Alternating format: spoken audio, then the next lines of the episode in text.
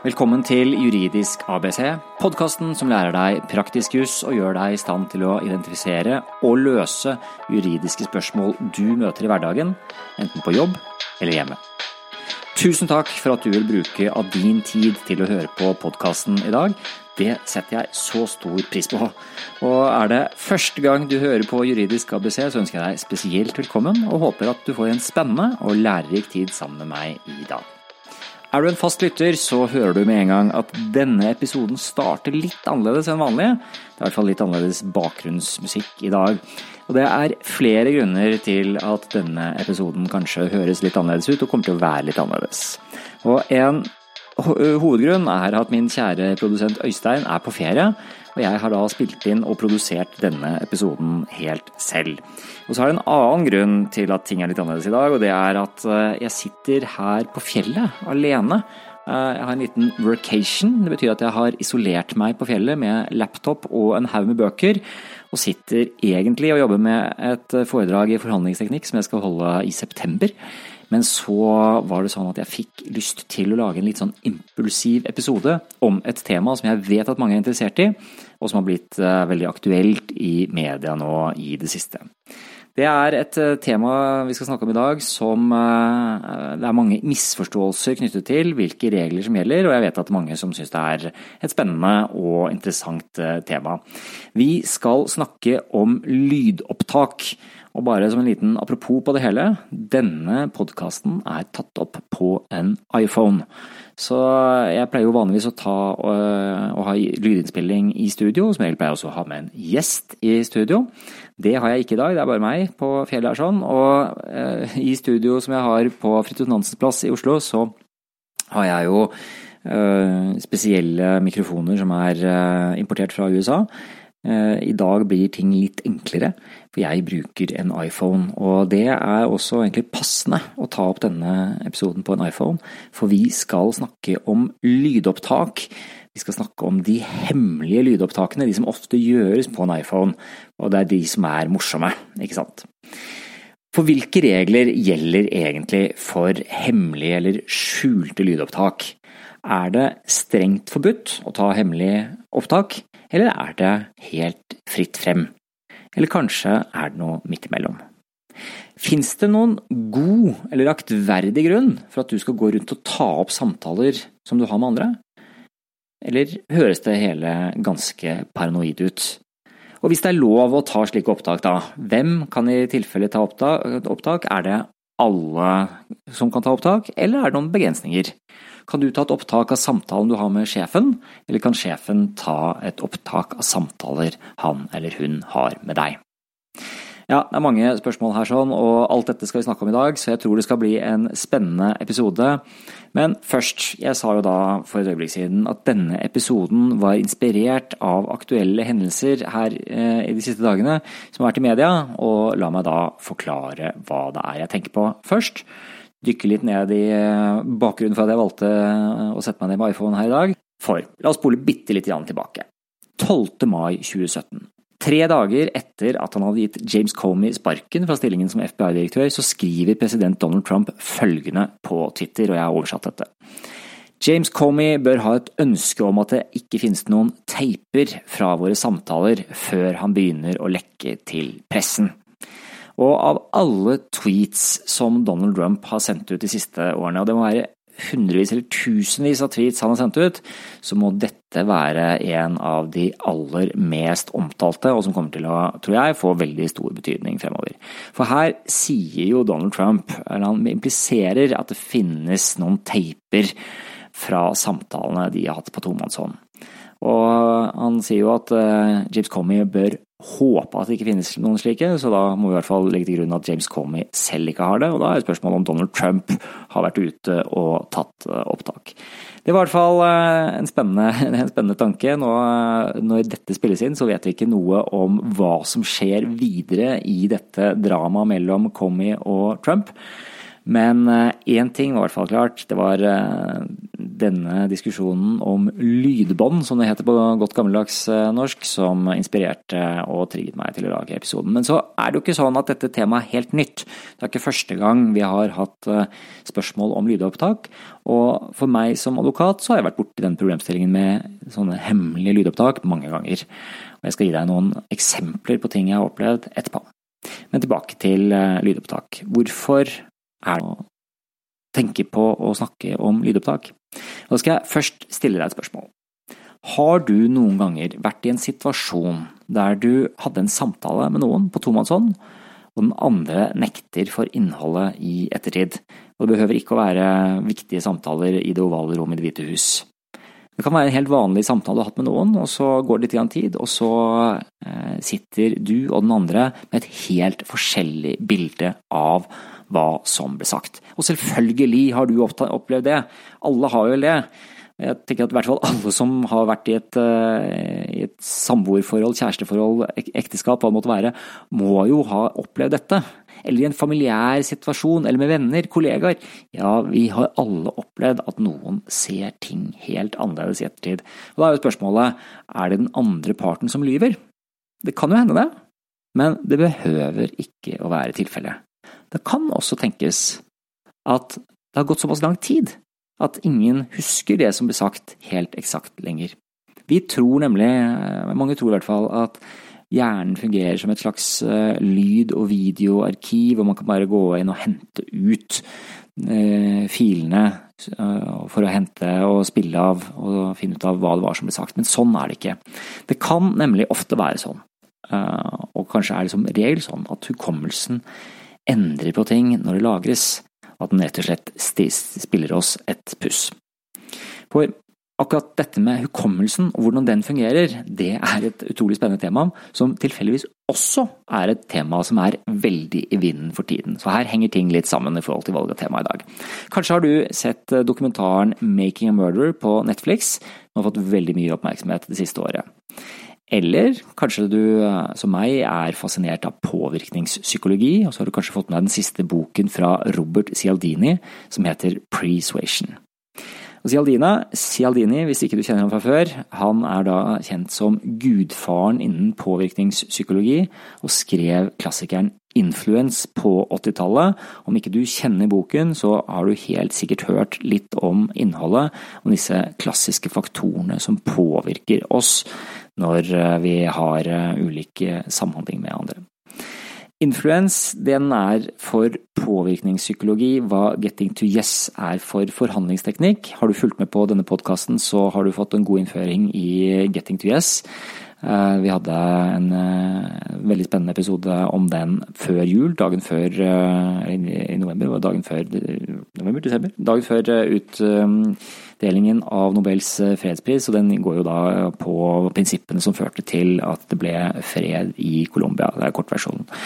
Det var Getting to Yes. Tilbake til influence, så er den da like grunnleggende for eh, deg som jobber med kommunikasjon, enten du jobber med forhandlinger, eller som selger, som leder, som konsulent, lærer, prest, eller hvilket som helst yrke hvor du snakker med folk, hvor du påvirker folk, så vil influence være en eh, veldig viktig bok. Og tilbake da til eh, Cialdini. Han har da eksempler i sin siste bok som er eh, veldig spennende når det gjelder det temaet som vi snakker om her. Han eh, viser konkrete eksempler fra amerikansk rettshistorie på personer som har blitt så kraftig manipulert gjennom politiavhør at de har endt opp med å tilstå drap som de ikke har begått. Og hvis du syns at jeg er langt ute på viddene nå, og jeg tenker at dette her er litt rart i forhold til en juridisk podkast osv., så, videre, så skal jeg love deg at dette kommer da raskt til å falle på plass eh, hvis man ser på hvor viktig, eller hvis man tenker på hvor viktig det er at man unngår å få falske minner. Falske minner, som også da er eh, et eh, tema i vinden om dagen. Jeg spiller inn denne episoden her sånn 12. Eh, juni 2017. 10. juni så publiserte NRK dokumentar saken 'Jeg har et falskt minne, det har du også'. Nå sa jeg feil, det er 11. juni i dag. Uansett. Nå Var det et falskt minne, kanskje? Tilbake til NRK, som 10.6.2017 publiserer saken 'Jeg har et falskt minne, det har du også'. Det er en veldig spennende sak. Du finner den på NRK, og det er en grundig sak hvor NRK har gått gjennom og sett på og presentert eh, bl.a. forskning fra England, der psykologen og kriminologen Julia Shaw har gjennomført et ekstremt spennende forsøk. Hun har snakket med 100 forsøkspersoner, og klarte å få 70% av disse til å tro at de hadde gjort en kriminell handling. Jeg sier det en gang til. 70% av personene i dette forsøket ble manipulert til å forestille seg, og til slutt å tro på, til å danne bilder inni hodet av en kriminell handling som ble så plantet i deres minne at de kunne forklare hva de hadde gjort. Det gikk så langt at de satt der og ga detaljerte beskrivelser av disse fæle tingene som de hadde gjort, hvor de kunne si hvem de hadde gjort det mot, når det skjedde, hvor det skjedde, etc. Det var rett og slett ved bruk av manipulerende teknikker. Manipulerende teknikker som selvfølgelig også er kjent for politiet og vært brukt av politiet. Så det er den strafferettslige biten av dette, at faren for justismord er åpenbart til stede hvis du har etterforskere som klarer å bruke disse teknikkene. Et lite apropos der sånn er jo Birgitte Tengs-saken, hvor eh, jeg skal ikke dyppe, dykke langt ned i den, og jeg har overhodet ingen formening om hva som skjedde der sånn, men jeg bare påpeker at noen har uh, stilt spørsmålstegn ved om, om avhørsmetodene som er brukt der, var egnet til å skape bilder i hodet på fetteren, som til slutt da erkjente, og senere trakk erkjennelsen av det drapet. Opp Ok, tilbake til NRK et lite øyeblikk. I denne dokumentaren som du bør sjekke ut, så er det også sånn at psykolog Svein Magnusson fra Norge han forteller om dette fenomenet. Han forteller hvordan han selv har fått et falskt minne og eh, kunne danne seg en klar erindring av hvordan han har vært med på å dumpe en bil i havnebassenget i København. Det skjedde ikke, men eh, vi får eh, en oppklaring på hvordan hjernen kan lures til dette. Og For å toppe det hele så gjennomfører NRK et forsøk på Blindern på studenter som eh, får, eh, blir utsatt for en, en eh, handling. De blir vitne til et tyveri, og i ettertid så bruker man teknikker for å påvirke minnet de har i forhold til å skulle peke ut gjerningsmannen ekstremt spennende og slående hvor lett så mange mennesker blir påvirket til å få falske minner. Og Nå har jeg snakket veldig mye om falske minner, håper det er noen som syns det var spennende, men du tenker kanskje ok, hva har dette egentlig med dette å gjøre, eller hva har storpolitikk i USA med dagens tema, som er hemmelige lydopptak, å gjøre? Jo, det er jo selvfølgelig sånn da, at hvis du kommer i en rettslig tvist, så er det jo i sivile saker, og det var vel i episode 22, tror jeg, hvor vi hadde med Carl Bore og snakket om hvordan en sivil sak gjennomføres, så er det slik at du som hevder noe for retten, du som påstår noe, du har også bevisbyrden, du må sannsynliggjøre det du påstår. Og da kan jo et lydopptak være av helt avgjørende betydning, hvis du kan gjennomføre det opptaket, og hvis du kan legge det frem for domstolen. Og det er mange praktiske situasjoner hvor dette kan dukke opp. Det er sånne Åpenbare eksempler er jo for meg som jobber med arbeidsrett, det er jo i konflikter på arbeidsplassen. Familiær sammenheng så er det jo barnefordelingssaker er typisk hvor foreldre eh, krangler om hvem som skal ha barna. Så vet jeg at eh, der foretas det opptak. Det er bare for å nevne noen. Så er vi selvfølgelig kjent med lydopptak som gjøres av politiet som en del av kontrolltiltak når de spaner på f.eks Eh, narkoman, eller narkotikasmuglere eller terrorister, hva det måtte være. Det, dette kjenner vi jo til, men det er utenfor dagens tema i dag. Jeg har nok digresjoner allerede. Så tilbake til de mer sivile, de skjulte opptakene. Det er det jeg vil snakke med deg om nå. Det er disse opptakene som gjøres når noen har en opptaker på lomma og tar opp samtalene. Det har man sikkert eh, hørt om og sett på film. Kanskje var det det som skjedde, eller kanskje har man noe tape fra fra Det hvite hus også. Men jeg har jo opplevd dette som arbeidsrettsadvokat mange ganger. Det er nå snart ti år siden første gang jeg hadde en klient som kom til meg og sa Eivind, her er et opptak, det kan du høre på. Og så vurderte vi da om vi kunne bruke dette og bruke det i forhandlinger osv. Den gang så var jo jeg veldig overrasket over å få et opptak servert på den måten. Men nå er jeg blitt vant til det. Nå er det helt normalt at det dukker opp lydopptak i en sak. Så eh, dette er ikke noe som eh, bare er eh, krim og fiction, dette er faktisk noe som har blitt en del av virkeligheten. Og det er mange årsaker og naturlige grunner til at det er sånn, blant annet da faren for falske minner, faren for at noen lyver, faren for at du ikke klarer å sannsynliggjøre ditt faktum hvis ikke du har et opptak å legge frem. Og la meg gi et veldig konkret eksempel, et eksempel, en historie på noe jeg opplevde for noen år tilbake. Det er litt sånn, høres ut som en, eh, en dårlig krimroman, dette, men det var faktisk en kald vinterdag hvor vi møttes eh, på et annet advokatkontor. Et av eh, Oslos flotteste advokatlokaler, vil jeg si. En fantastisk setting der sånn. Se for deg møterom, formelt med advokater på begge sider. Jeg hadde fått en sak for en klient, en eh, ganske ung mann, som hadde falt i unåde hos sin kvinnelige sjef. Det som var litt spesielt, eh, sånn som jeg husker den saken, var at det ble egentlig aldri dokumentert noen grunn til at disse hadde kommet på kant eh, med hverandre, men sjefen mente rett og slett at han ikke fungerte i jobben. Han fylte ikke hennes eh, ganske store krav til arbeidstakere. Og det nærmeste jeg egentlig klarte å finne noen begrunnelse for at det hadde blitt en konflikt, var at eh, sjefen irriterte seg over at jeg hadde en klient som hadde mange aktiviteter utenom jobb. Eh, og da i motsetning til en del andre ikke ville jobbe mye gratis overtid. Så han, han var på jobb i akkurat de timene han skulle, men, men når de andre ble igjen og jobbet, så dro han hjem, og det ble da en stein i skoen som, at, ja, som førte til at det utviklet seg til en konflikt, sånn som jeg opplevde saken, i hvert fall. Uansett, eh, det som skjedde var at eh, sjefen kalte min klient for udugelig, og begynte å drive en sånn type kampanje for å få han til å slutte, få han til å få seg en annen jobb. Typisk klassisk utfrysningstaktikk som dessverre er ganske vanlig i, eh, i norsk arbeidsliv, og helt sikkert i utlandet også. Ordbruken ble ganske stygg etter hvert, og min klient hadde blitt sykemeldt. Dette var før jeg kom inn i bildet, men eh, han var i hvert fall sykemeldt, og det, eh, opplevde at det gikk da fra vondt til verre, egentlig. Sjefen ringte flere ganger og var virkelig ubehagelig på telefonen. Og så ringer han meg og sier at uh, sånn og sånn er situasjonen, og jeg lurer på om jeg kanskje bør ha advokat osv. Og, så og så etter å ha diskutert saken litt frem og tilbake, så sier jeg at vet du hva, det høres jo ut som du egentlig har en sak, men uten noen beviser så kan ikke vi gjøre noen ting.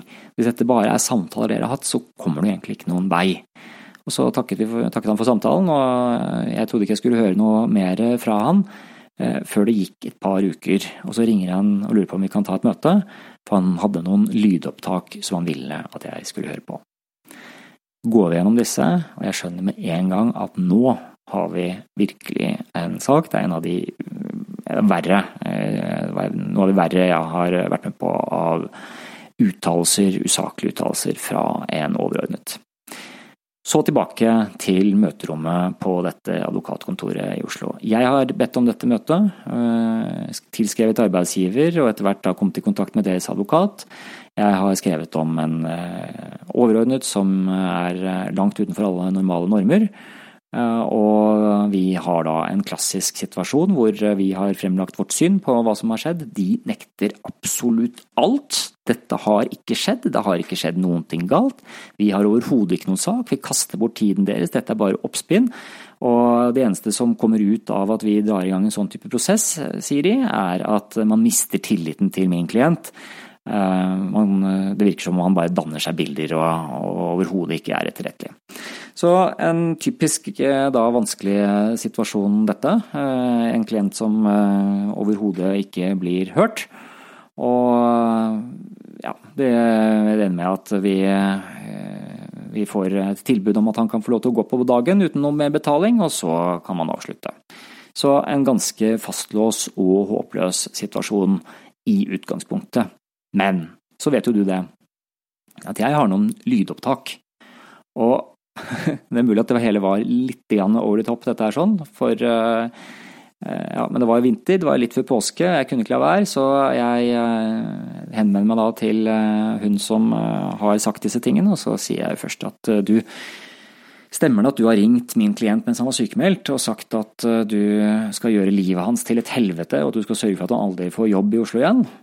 Og så sier hun nei, nei, nei, det har jeg aldri sagt. Jeg er helt klar på det. Kommer tilbake. Og så er du helt sikker, spør jeg da en andre gang. Og jo da, det er hun helt sikker på. Så sier jeg at eh, jeg har litt problemer med å tro deg på dette, eh, så ber deg nå for tredje og siste gang, tenk deg nøye gjennom før du svarer. Kan du ha sagt det jeg eh, viser til her, eller i hvert fall noe som er i nærheten? Og nei, sier hun da. Og for tredje gang, det har hun aldri sagt. Så er det jo da sånn at eh, foran meg på bordet så hadde jeg Mac-en. Som alltid så pleier jeg å ha med den i møter. Det de på den andre siden av bordet ikke har sett, er at jeg har tatt opp, eh, byttet ut notatprogrammet med lydprogrammet GarageBand. Og så sier jeg at eh, men er ikke dette din stemme, da? Og trykker på play. Og klippet jeg hadde funnet fram var selvfølgelig noe av det verste hun har sagt, var akkurat det sitatet jeg hadde akkurat gjengitt. Og i løpet av et par sekunder så ble hele situasjonen snudd helt om. Stopp! ropte advokaten. Klienten hennes brast ut, begynte å gråte og forsvant ut av døren. Og ja, eh, situasjonen ble veldig spesiell.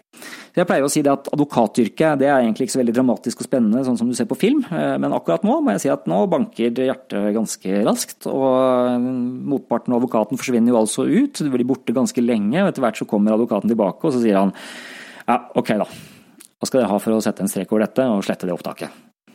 Og en halvtime senere så hadde min klient avsluttet arbeidsforholdet og skrevet under på en sluttavtale og begynt å legge planene for å dra på en reise jorden rundt. Disse tingene skjer. Og det verste er at det var ikke et eh, enkeltstående eh, eksempel. Jeg kan fortelle mange flere.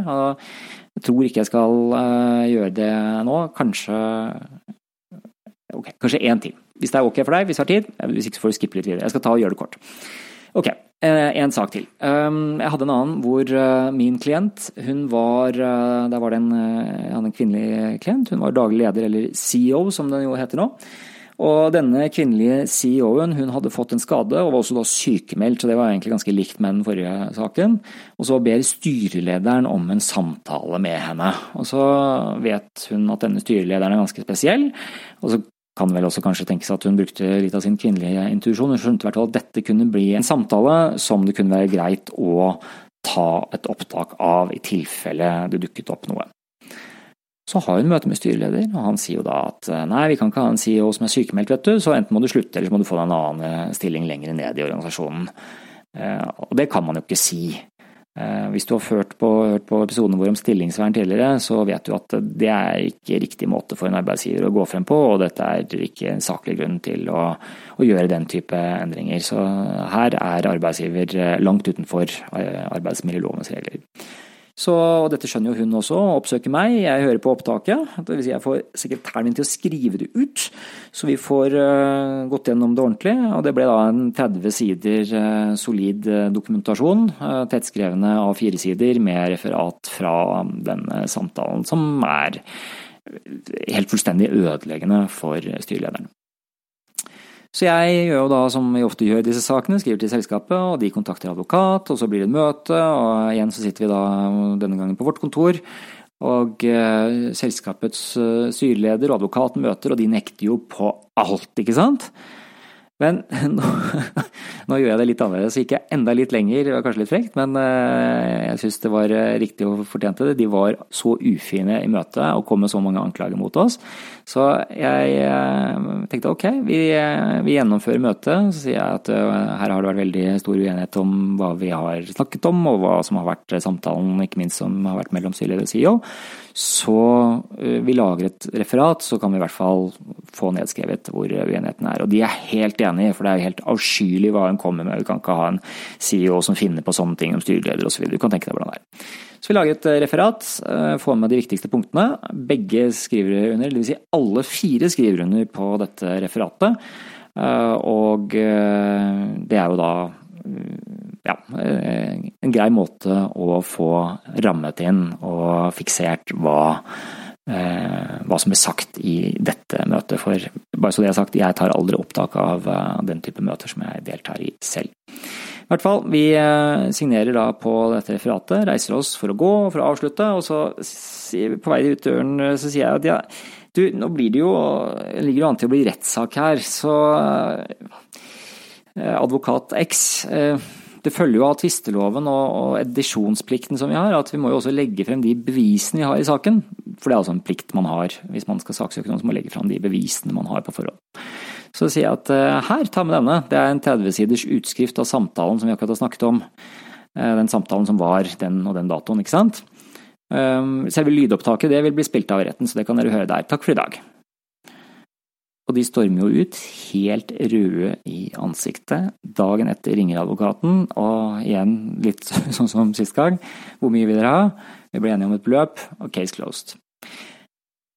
Det høres ut som jeg sitter og finner på, men dette er selvfølgelig sterkt anonymiserte, men helt reelle situasjoner som jeg har vært med på, og det er mange av de. Så eh, kort oppsummert for så langt, lydopptak det eksisterer rundt oss i dag. Eh, lydopptak kan avgjøre en sak. Og, som jeg indirekte eh, også har vist nå, lydopptak kan faktisk brukes som bevis, i hvert fall i forhandlinger. Og så er spørsmålet da, hvilke regler er det som gjelder når vi er over på jussen her sånn. Og første spørsmål vi skal se på nå er er det ikke straffbart å ta hemmelig opptak? Og svaret er nei. La oss se på straffebestemmelsen skal vi til den nye straffeloven, paragraf 205, som i første ledd sier at med bot eller fengsel i inntil to år straffes den som uberettiget og ved bruk av tekniske hjelpemidler, hemmelig avlytter eller gjør hemmelig opptak av telefonsamtale eller annen kommunikasjon mellom andre, eller av forhandlinger i lukket møte som han ikke selv deltar i, eller som han uberettiget har skaffet seg tilgang til. Ok, her var det mye klassisk sånn uh, juridisk språkbruk dette, og dette er da den nye og moderne straffeloven. Men likevel, la oss se litt nærmere på hva som sies her sånn. Det er jo da straff for å ved bruk av teknisk hjelpemiddel hemmelig avlytte eller gjøre hemmelig opptak av telefonsamtale eller annen kommunikasjon mellom andre, det er da type møte osv., eller av forhandlinger eller lukket møte som han ikke selv deltar i, eller som han uberettiget har skaffet seg tilgang til. Dette er da for helhetens skyld det er en del av en bestemmelse som også da inneholder eh, bestemmelser om eh, å bryte beskyttelsen av, eller av, på annen uberettiget måte skaffe seg tilgang til eh, elektronisk kommunikasjon osv. Det er brevbrudd og alle mulige sånne type ting som er forbudt, men det som er gjennomgående her, er jo at det er jo det å å spionere på noen. Og det å foreta et opptak hvor du ikke selv er til stede i rommet, det er det som er straffbart. Loven er klinkeklar. Eh, det er et unntak hvis man ikke eh, Eller hvis man selv deltar. Altså det er det som er straffbart, det er det som man ikke selv deltar i. Ok, så da har vi ryddet det av veien. Det er ikke straffbart med skjulte opptak der du deltar selv. Straffeloven eh, frikjenner oss der. Men betyr det at det er fritt frem? Nei, sier i hvert fall Datatilsynet. For da kommer vi raskt inn på et annet eh, område. Personopplysningslovens domene. For det er jo personopplysninger det vi snakker om her, sier Datatilsynet. Og det betyr at i hvert fall for virksomheter så er det ikke fritt frem å ta skjulte lydopptak. Det er heller ikke fritt frem å ta opptak som ikke skjer på skjult måte, som skjer helt åpent. Og Datatilsynet sier jo at som arbeidsgiver så har man som hovedregel ikke noen rett til å ta opptak av de ansattes telefonsamtaler. Og så er det noen opptak, f.eks. da for verdihandelforetak som er pålagt å ta opptak av samtaler med kundene. Så har du nødnummer som det tas opp, og så har man da noen tilfeller av telefonsalg og kundeservice. Eh, jeg har vel kanskje inntrykk av at det er for de fleste som driver en eller annen form for kundeservice, men det er nå så. Da skjer det jo i opplæringsøyemed og kvalitetssikringsøyemed. Og der kan eh, arbeidsgiver da på visse vilkår, eh, i kraft av styringsretten Her kommer arbeidsgivers styringsrett inn igjen, det er en klassisk, eh, klassisk problemstilling.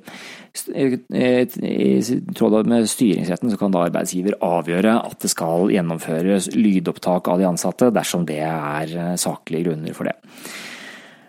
Og det er da liksom sånn i, i korte trekk i bakgrunnen som er i forhold til de åpne, eh, kjente opptakene, hvor man sier eh, i hvert enkelt tilfelle at nå kommer vi til å ta et opptak. ikke sant? Men eh, her må man altså arbeidsgiver, her er det visse vilkår, og arbeidsgiver skal da i alle tilfeller sørge for hele tiden å benytte det minst inngripende tiltaket som man kan overfor den ansatte, men prøve å gjøre dette så skånsomt som mulig. Og hvis man kan gjøre det på andre måter, så skal man da unngå det. Så tilbake til de skjulte opptakene. Det er jo det som er det mest eh, spennende. Eh, da er det eh, i utgangspunktet et klart forbud for arbeidsgiver. Det kan man ikke ta opptak av. Og det betyr jo da også at i sted så hadde jeg et par eksempler fra arbeidsrettssaker hvor jeg hadde vært inne på arbeidstakerside. Jeg er etter hvert for det meste inne på arbeidsgiversiden i de sakene jeg har nå, men da dukker jo dette med lydopptak, i hvert fall fra egen klient, det dukker ikke opp som en problemstilling, for det er ikke greit. Det har man ikke anledning til. Sånn er det når det gjelder de skjulte opptakene på jobben. Men så kan man jo se for seg da Eh, at man eh, er en privatperson igjen som ønsker å ta opptak, hvis vi ser på de eksemplene som jeg hadde i sted også. Og da er det eh, slik at for privatpersoner så, og de rene private formål, så faller det utenfor det området som personopplysningsloven regulerer. Og det Datatilsynet også har sagt, de har laget en veileder på området. og De sier da at når det gjelder private formål, så, så står det i veilederen at lydopptak gjort for private formål, det faller utenfor personopplysningsvirkeområdet. Se personopplysningslovens paragraf 3 annet ledd. Og med private formål menes da f.eks. privatpersoners ønske om å dokumentere sine telefonsamtaler.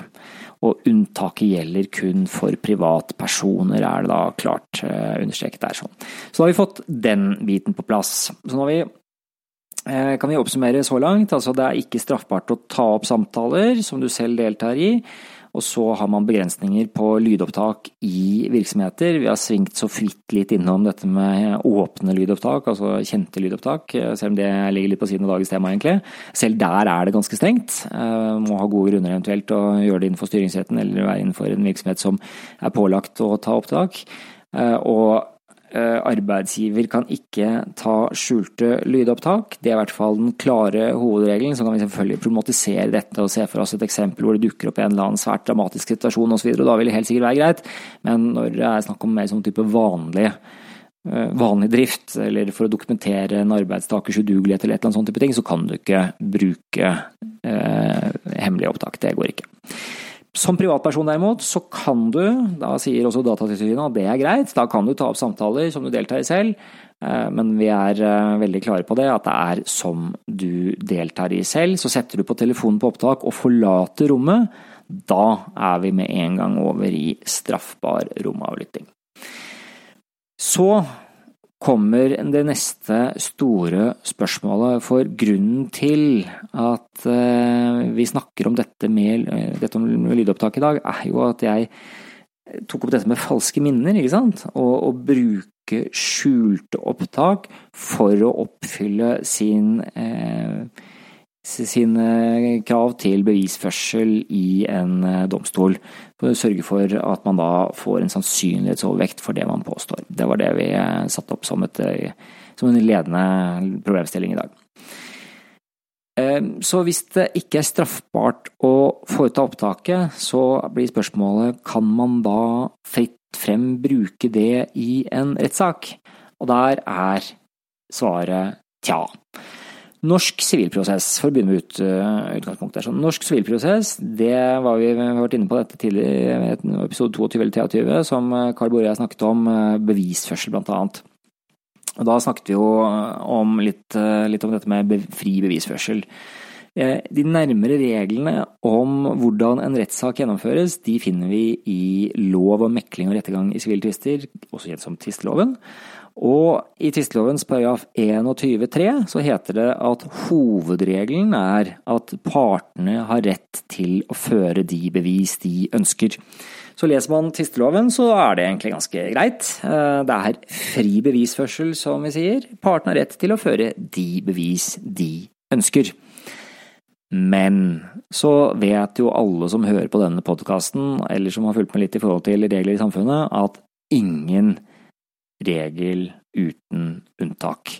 Og da kan vi bla til tvistelovens 22.7, der man finner unntaksregelen. For der står det forbud mot bevis fremskaffet på utilbørlig måte.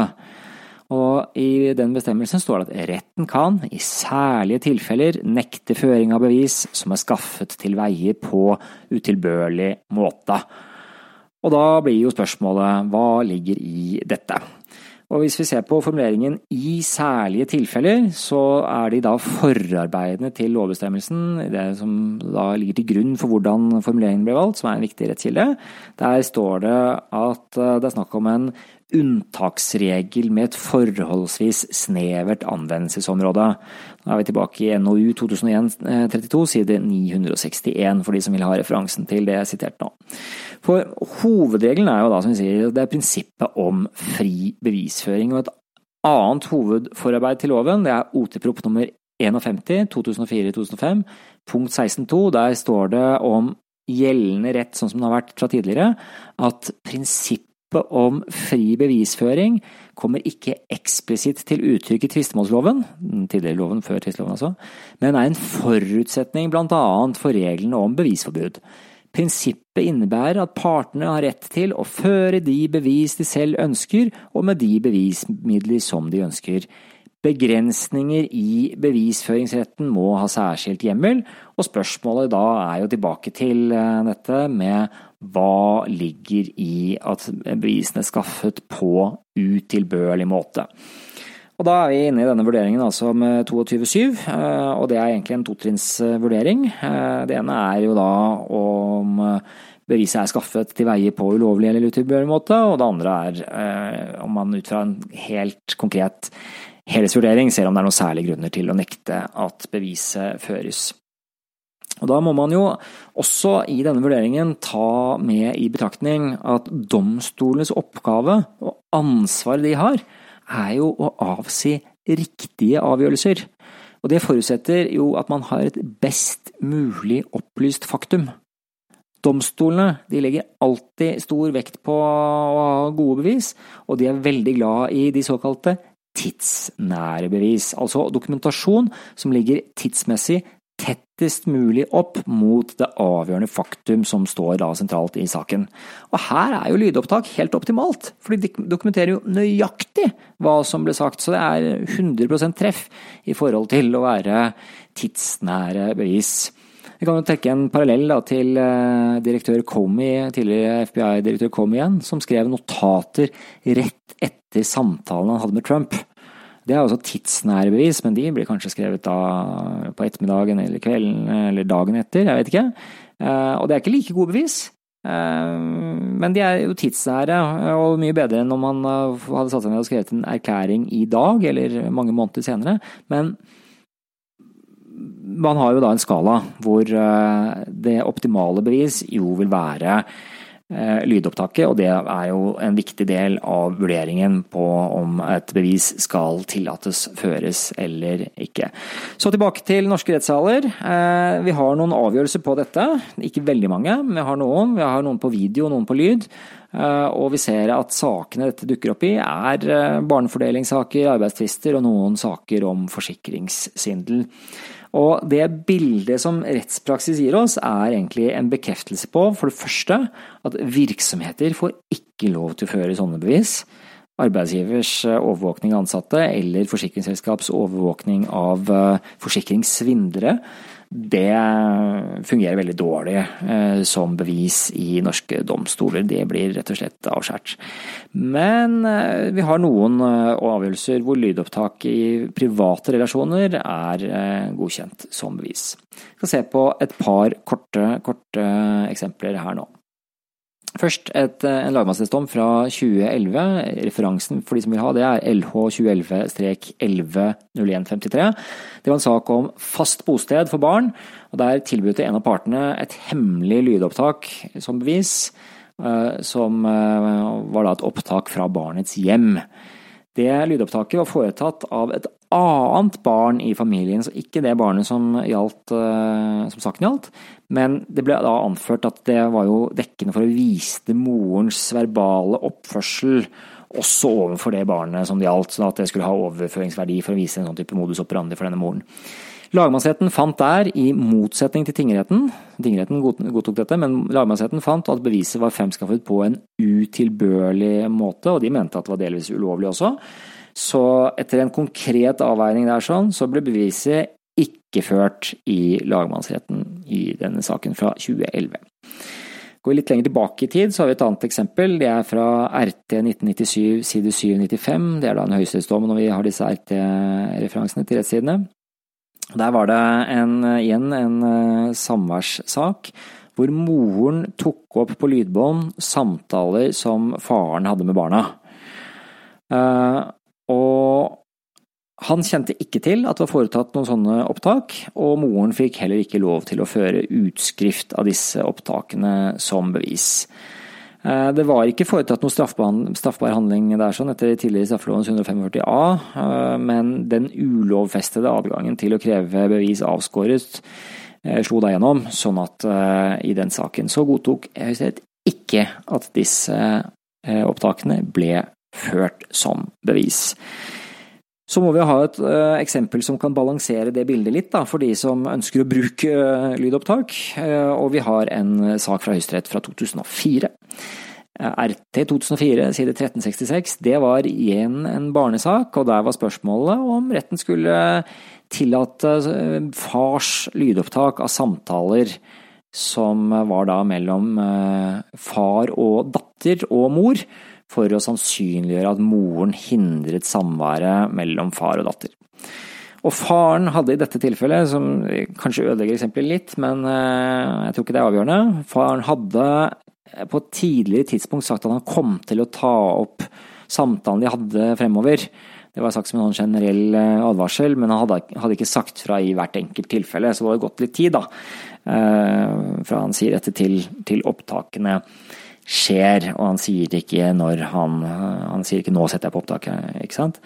Så, sånn sett så var det skjult, og da sier Høyesterett at uh, i saker om foreldreansvar og omsorg for barn, hvor retten har ansvar for opplysning av saken, som vi har vært inne på før, kan ulovlig eller utilbørlig ervervede bevis inneholde så vesentlige opplysninger om forhold som ikke kan belyses på annen måte at beviset må tillates ført.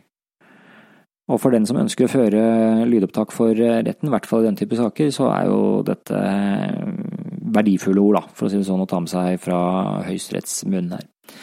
Så sier Høyesterett videre at lydopptak av telefonsamtaler som en person selv deltar i, normalt ikke vil være utilbørlig når det er gjort kjent for vedkommende at slike opptak vil finne sted. Ved vurderingen av om lydopptaket av telefonsamtalene i dette tilfellet er skaffet til veie på en utilbørlig måte, må legges til grunn at mor var gjort kjent med at opptak ville finne sted. Og det kan da ikke kreves at far hver gang skal underrette mor om lydopptak, og Høyesterett kom etter dette til at lydopptakene ikke kunne nektes ført som bevis, som det heter, eller altså at de ble tillatt ført som bevis. Så der hadde vi litt eksempler fra Høyesterett også på slutten her sånn. Ok, da ble vi kanskje litt klokere. Skal vi prøve oss på en liten eh, oppsummering, kanskje? Vi vet altså at det er ikke straffbart som privatperson å ta skjulte lydopptak, men det kan være vanskelig å få opptakene ført som bevis. Dessverre så har jeg ikke funnet noen arbeidsrettssaker der arbeidstaker har tatt opptak av arbeidsgiver og det har blitt lagt frem. Eh, jeg tror nok at slike opptak vil bli tillatt ført, men det vet vi egentlig ikke. Eh, men eh, i disse sakene så er det jo også alltid en konkret vurdering i det enkelte tilfellet, og jeg tror at mange av de ordene som Høyesterett sa, særlig de, de sitatene fra den siste dommen, tror jeg fort vil ha gjennomslag der, er mitt tips. Uansett, Eh, I disse sakene så kommer kanskje dette mest eh, ut som et praktisk del av eh, en forhandling. Det er det jeg i hvert fall opplever i det daglige. Så rådet til deg som er involvert i konflikter eller i samtaler hvor du skjønner at det kan gå videre til en konflikt, må jo selvfølgelig være å huske på at det finnes mange opptakere der ute. Pass på hva du sier så mener jeg ikke med det at du skal lyve, for det skal du aldri gjøre. Men eh, det kan være greit å ha i bakhodet at eh, den du snakker med, kan ha en iPhone eh, som står og surrer og går og tar opp i det skjulte. Det var det jeg hadde for deg i dag. Jeg håper du satte pris på denne episoden. Det ble en veldig annerledes episode enn det vi pleier å ha. Det var bare jeg som hadde en lang monolog her prøvd å ha det litt som en samtale med deg. Håper du har syntes det har vært greit. Jeg hører veldig gjerne innspill, tilbakemeldinger, kommentarer eh, til hvordan vi gjorde det i dag. Eh, jeg tåler kritikk, så send meg gjerne det også. Eh, men hvis du liker Juridisk ABC, så blir jeg jo også veldig, veldig glad om du kunne tatt deg et lite minutt, et lite minutt, og koblet deg inn på en eh, computer, som det heter på godt norsk. Finn fram Mac-en din, eh, eller eh, iPhone, eller, eller PC-en, eller hva du måtte ha. Uh, logg deg inn på iTunes og finn fram Juridisk ABC og gi en liten vurdering av podkasten. Det setter jeg så utrolig stor pris på. Det er veldig enkelt. Du går inn, du søker, juri, juri, søker opp Juridisk ABC. Er du inne på iPhone, kan du bruke den også. Uh, bare bruk uh, forstørrelsesglasset, skriv Juridisk ABC. Finner du den, hovedoppføringen, og ikke da ikke, ikke gå inn på en enkel episode, men på hovedoppføringen i katalogen er sånn Trykk på skriv en omtale, og så skriver du en setning eller to om hva du syns om juridisk ABC, og så gir du det antallet stjerner som du syns at podkasten fortjener. Jeg skal ikke legge skjul på at jeg håper jo på mest mulig femmere. Eh, og når jeg går inn nå og ser på iTunes, så blir jeg så utrolig glad, for nå har vi nesten 100 vurderinger når jeg tar opp dette. Eh, og snittet er på en klinkeklar femmer, og det er så hyggelig, og det er inspirerende. Og hadde det ikke vært for det, så hadde denne podkasten helt sikkert vært lagt ned for lenge siden. For jeg må innrømme det, at eh, å starte dette prosjektet har vært litt skummelt, og det å ta opp denne soloepisoden i dag, det har i hvert fall vært eh, ganske skummelt. Så selv om jeg har vært utenom internettet før, så skal jeg love deg det å sette seg ned og bare trykke på play og dra i gang med en liten sånn monolog her oppe i fjellheimen, det når jeg vet at det er noen tusen der ute, så, så, krever det litt. Så da blir jeg veldig glad for å få bekreftet at vi er på rett spor, og hvis du da tar en tur innom iTunes, så er jeg veldig glad for det. Så helt til slutt et kontrollspørsmål fra meg, og det gjelder bare deg som er på arbeidsgiversiden som er leder, jobber med HR eller på annen måte jobber med arbeidsrett. Du kan for så vidt, hvis du er på arbeidstakersiden og jobber f.eks. i en arbeidstakerorganisasjon eh, mange, mange flinke jurister, mange gode venner som jobber på den siden også. Så håper jeg da uansett at du har meldt deg på Skift-konferansen som jeg og noen andre gode kollegaer og venner arrangerer på Hotell Continental i september. 21. september, vi har nå solgt over halvparten av billettene. Det er en dag som står i arbeidsrettens tegn. En dag skreddersydd for deg som eh, jobber med arbeidsrett til daglig.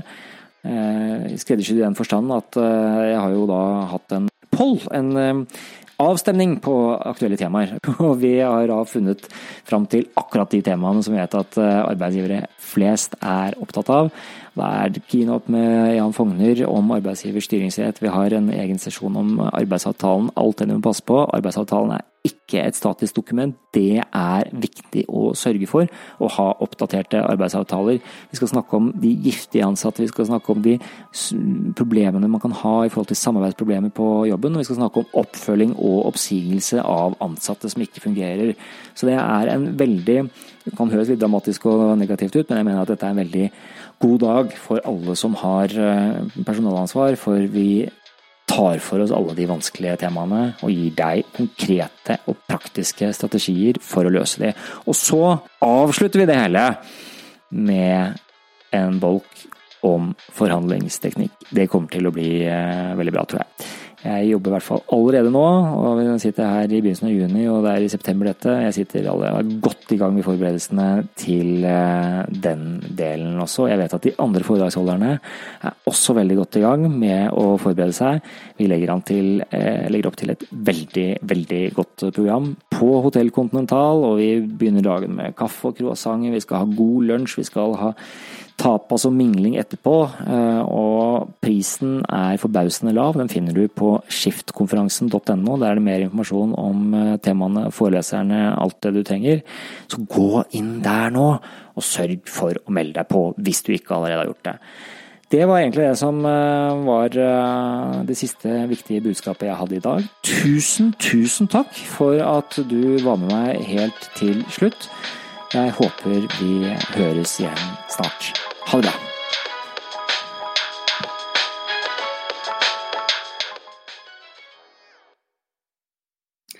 Denne podkasten var spilt inn og produsert av Eivind Arntzen. Musikk var ved Joakim Karu. Husk til slutt dette er ikke juridisk bistand, dette er uh, informasjon og underholdning og skal aldri anses som konkret juridisk bistand. Har du en uh, sak hvor du trenger hjelp, så må du kontakte jurist eller advokat. Du kan ikke bruke meg som direkte rettskilde. Har du behov for advokatbistand, så kan du selvfølgelig ta kontakt for det. Men denne podkasten er ikke å anse som juridisk bistand.